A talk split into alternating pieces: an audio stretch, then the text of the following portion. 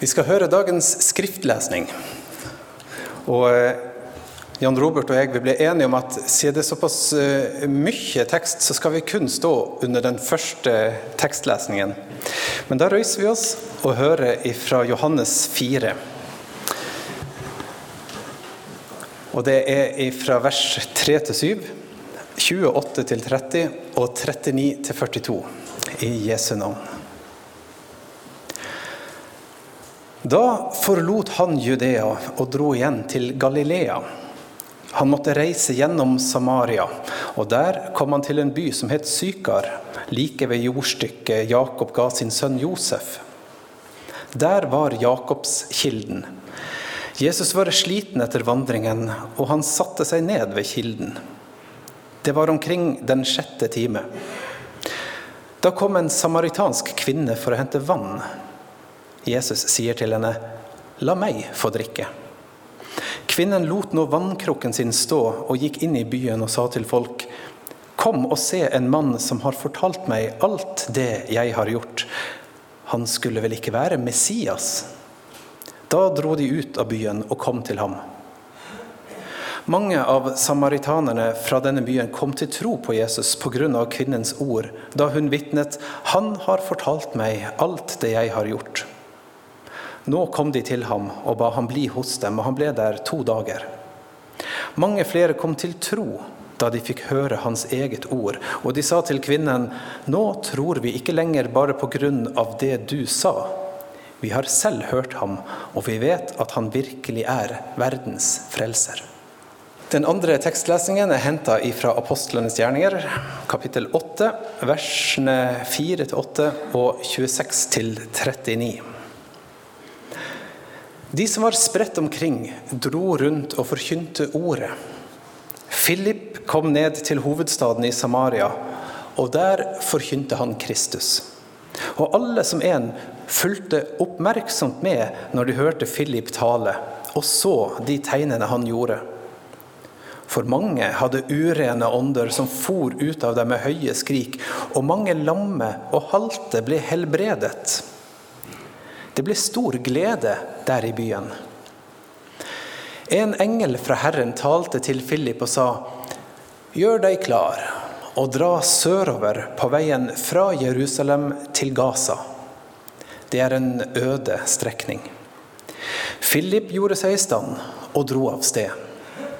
Han fikk se en etiopisk hoffmann, en høy embetsmann som hadde tilsyn med skattkammeret hos Kandake dronningen i Etiopia. Han hadde vært i Jerusalem for å tilbe. Nå var han på vei hjem og satt i vognen sin og leste fra profeten Jesaja. Da sa ånden til Philip, gå bort til vognen og hold deg tett opp til den. Philip sprang bort, og da han hørte at han leste fra profeten Jesaja, spurte han, forstår du det du leser? Hvordan skal jeg kunne forstå, sa han, når ingen forklarer det for meg? Så ba han Philip komme opp i vognen og sette seg ved siden av ham. Det stykket i Skriften som han holdt på å lese, var dette. Lik en sau som føres bort for å slaktes, lik et lam som tier når det klippes, åpnet han ikke sin munn. Da han var fornedret, ble dommen over ham opphevet. Hvem kan fortelle om hans ett? For hans liv er tatt bort fra jorden. Hoffmannen sa da til Philip, si meg, hvem er det profeten taler om her? Er det om seg selv eller om en annen? Da tok Philip til orde. Han begynte med dette skriftstedet og forkynte evangeliet om Jesus for ham. Mens de kjørte langs veien, kom de til et sted hvor det var vann, og hoffmannen sa, Se, her er vann, hva er til hinder for at jeg blir døpt? Philip svarte, Hvis du tror av hele ditt hjerte, kan det skje.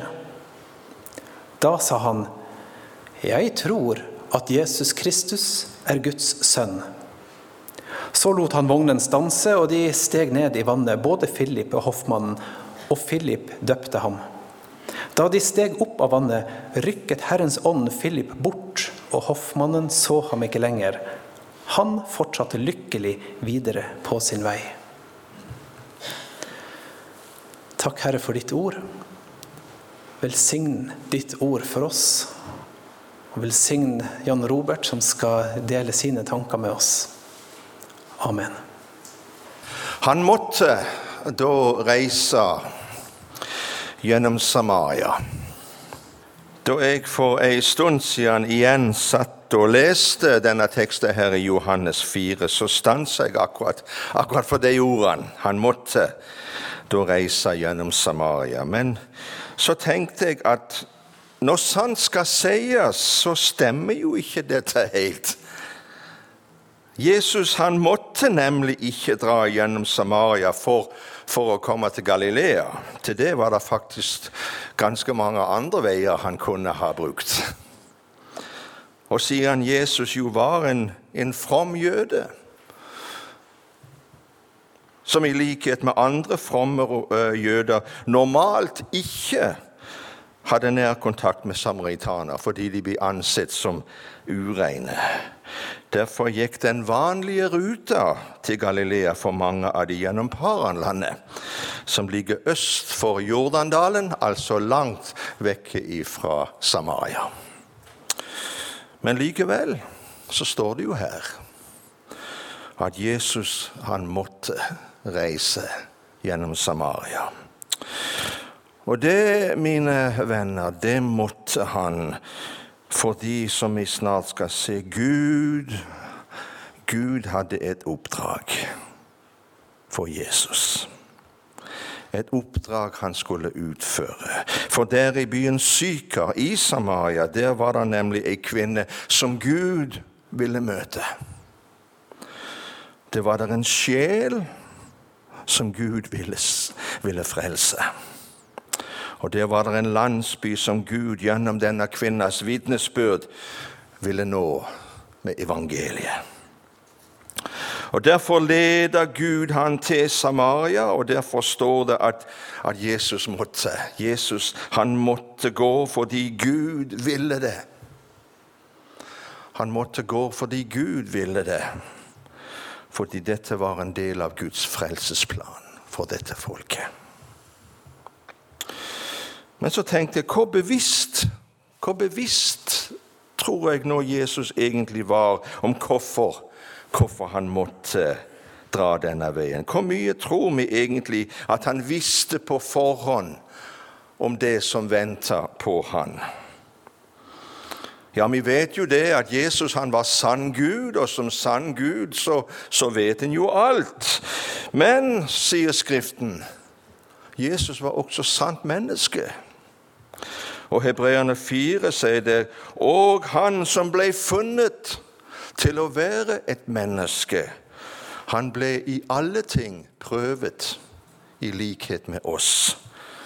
Altså Selv om han var Guds sønn, så var han altså samtidig et menneske som var underlagt de samme kår, de samme begrensninger som du og jeg, i likhet med oss.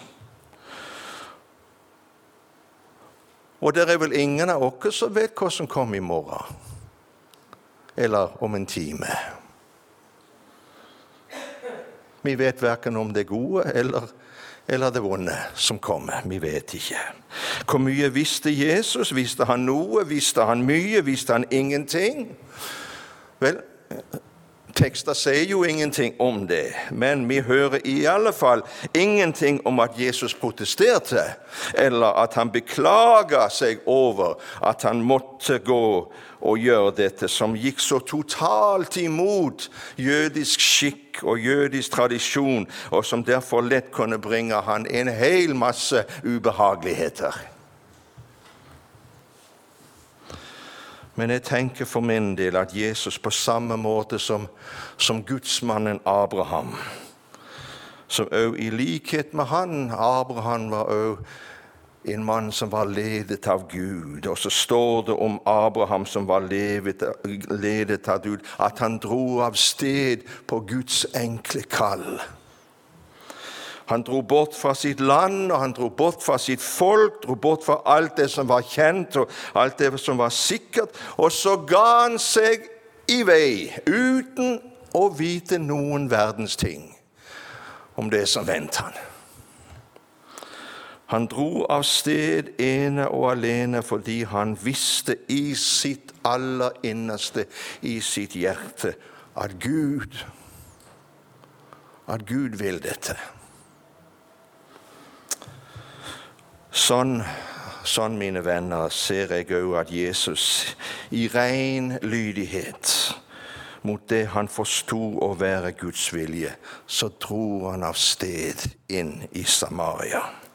Dro av sted ene og alene fordi han hadde tillit til Gud, fordi han stolte på Guds kall, fordi han var ledet av Gud. Var seg bevisst om det. Så kan du si ja, ja, men det var vel en test. Ja, men det var jo en test. Abraham han ble òg testa. Han ble satt på prøve. Og fra tid til annen fra tid til annen så vil òg vi, du og jeg, vår tro og vår tillit til Gud, den vil òg bli satt på prøve. Når Gud spør vil du stole på meg på denne dagen. Vil du stole på meg når du må når du må gå inn i et landskap, inn i saker og ting som du kanskje Ja, kanskje frykter du når du hører. Du frykter det, du vegrer deg for å gå inn i det, men så vet du at du rett og slett bare må. Det er ingen vei utenom. Jeg må dette.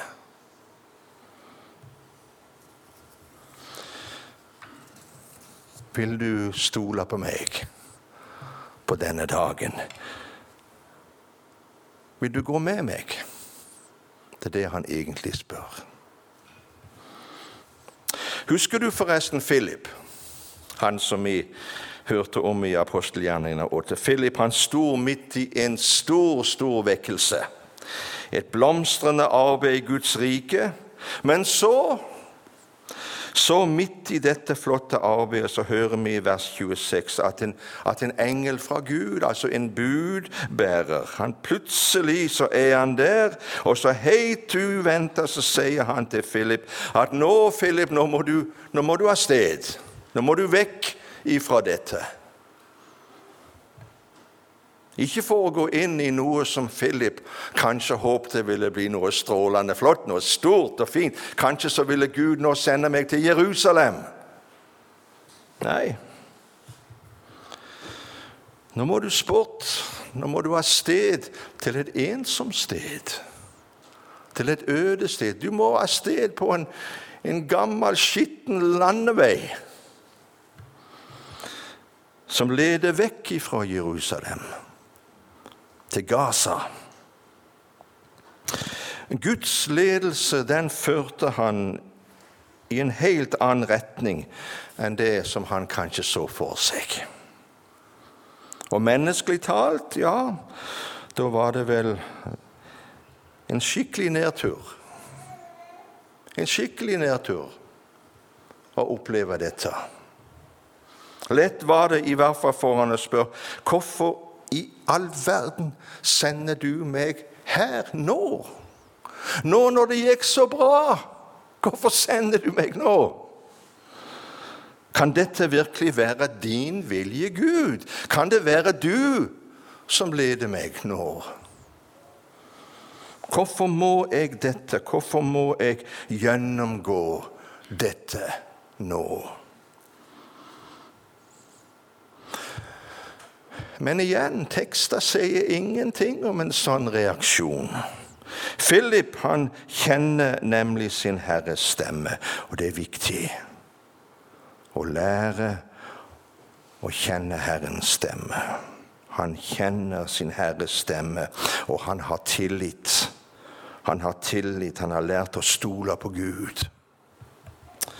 Og Derfor står det så flott, i hvert fall i min oversettelse, det står det at Philip sto straks opp. Og så gikk han bort og dro av sted. Han pakka knyttet sitt, og han tok Bibelen sin under armen, og så ga han seg i vei. Ga seg i vei uten å vite. Hadde vi gjort det? Uten å vite noen verdens ting. Du har noe inni deg som du vet hva er. Men vil vi ta skrittet? Vil du stole på meg på denne dagen, da jeg kaller deg?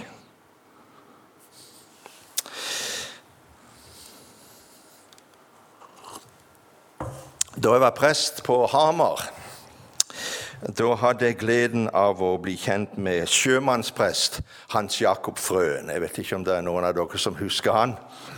Hans Jakob Frøen han var blitt pensjonist, og han bodde på Ottestad, der Ungdom i oppdrag har sin base. Og Vi treftes iblant, og han fortalte om ting han hadde sett og opplevd i, i tjenesten sin for Gud. Og jeg skal fortelle dere det, at det var ikke lite. Han hadde mange, mange erfaringer med Gud. Blant annet så fortalte han om en gang da han opplevde at Jesus ledet han til å gå inn i et landskap som han i utgangspunkt slettest ikke var innstilt på å gå inn i og som han lenge, lenge, lenge ikke kunne forstå hvorfor han måtte gå inn der. Han ble nemlig plutselig alvorlig syk. Og da gjorde han det som, som var det naturlige for han. Han tilkalte seg menighetens eldste. Og de kom, og de salva han med olje, og de ba for han. En gang, to ganger, tre ganger. Men det var liksom ikke noe som hjalp. Og Nå var det òg på denne tida at denne positiv bekjennelsesbevegelsen hadde fått innpass i landet. Jeg vet ikke om dere husker den.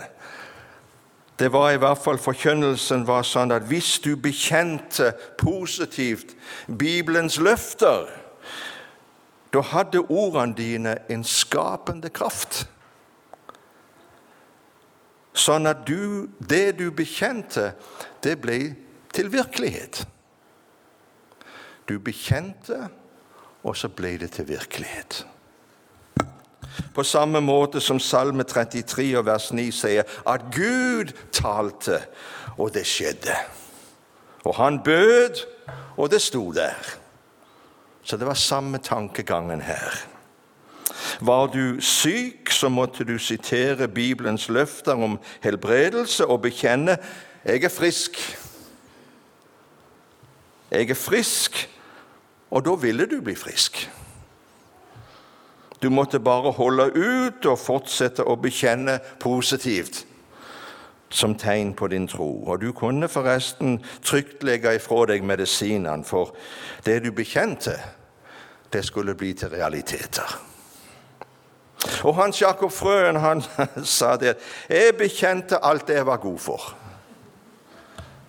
Jeg bekjente jeg var frisk og helbreda, selv om virkeligheten sa noe helt annet, og jeg ble bare dårligere og dårligere. Og Til slutt så ble han henta i ambulanse og kjørt til Ullevål. Og her, med hjelp av dyktige leger og sykepleiere, så, så ble livet hans redda. For så alvorlig var nemlig tilstanden hans blitt at det sto om livet. Men så var det veldig mange spørsmål som dukka opp. Hvorfor ble han nå ikke frisk når de eldste kom og salva og ba for han? Hvorfor skapte ikke hans positive bekjennelse den, den virkeligheten som han forventa? Etter noen dager så ble Hans Jakob overflytta til et tomannsrom. Og etter hvert så kom han i prat med sidemannen, som òg var blitt innlagt akutt. Og ettersom dagene gikk, så ble samtalen deres mer og mer åpne og mer og mer fortrolig. Og mannen kunne fortelle at som ung så trodde han på Jesus. Han trodde på Jesus. Men, men med årene så hadde Jesus og troen den hadde kommet på avstand. Men nå Nå, etter at han hadde møtt Hans Jakob og hørt han fortelle, så vektes, så vektes lengselen etter Jesus. Og så vektes lengselen igjen etter å bli en kristen. Og så fikk Hans Jakob lede han tilbake til Jesus, og siden hadde de da holdt kontakten. Da så jeg da så jeg, og da forsto jeg hvorfor jeg måtte dra inn i Samaria. Da forsto jeg hvorfor Jesus leda meg dit jeg ikke ville gå. Jeg forsto hvorfor jeg ikke kom utenom sykehuset. Det var fordi Jesus ville møte og frelse romkameraten. Og så fikk jeg æren av å være budbæreren.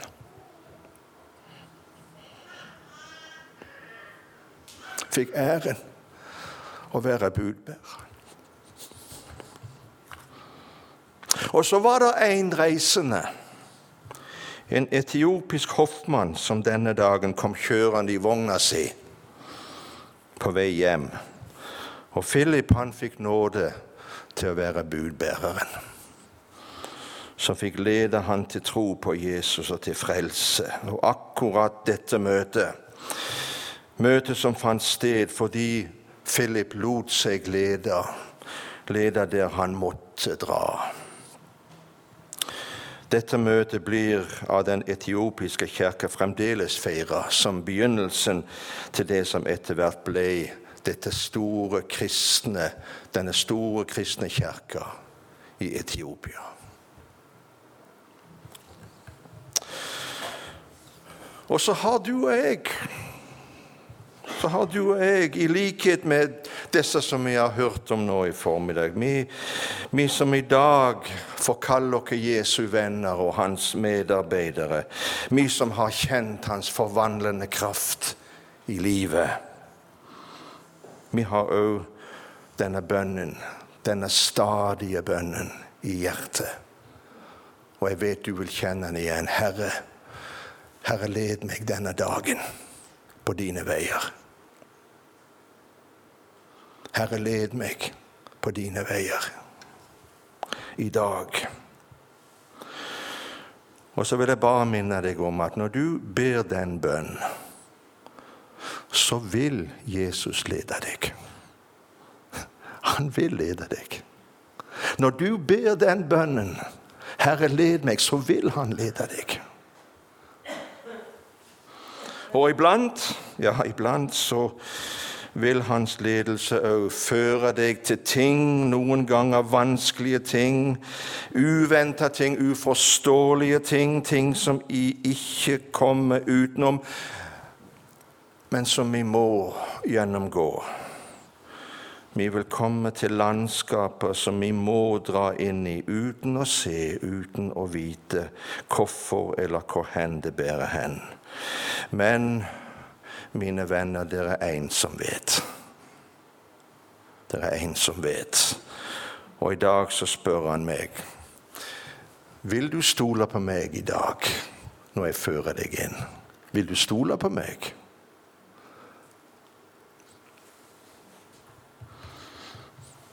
Vil du følge meg, og vil du være med meg inn i Samaria? For der er det alltid en hensikt. Han leder ikke vilkårlig, men der er det en som venter på at du skal komme som hans budbærer. Herre, du leder meg ved ditt råd. Hør til meg. Og siden, når reisen er over, så tar han oss hjem så tar han oss hjem. Herre, vi vil bare prise deg og love ditt navn. Og Jesus, vi kjenner denne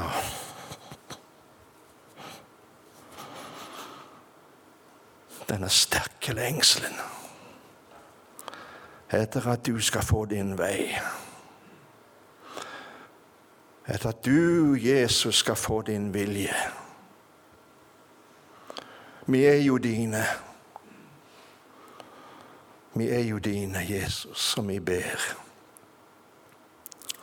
Før oss, Jesus, på dine veier. Led dere og bruk oss som budbærere til en som venter i dag. Og så får det koste noen ganger. Og så er det ikke alltid vi forstår en døyt av noen ting. Men Herre, vi vet at du leder, for det har du sagt at du vil. Amen.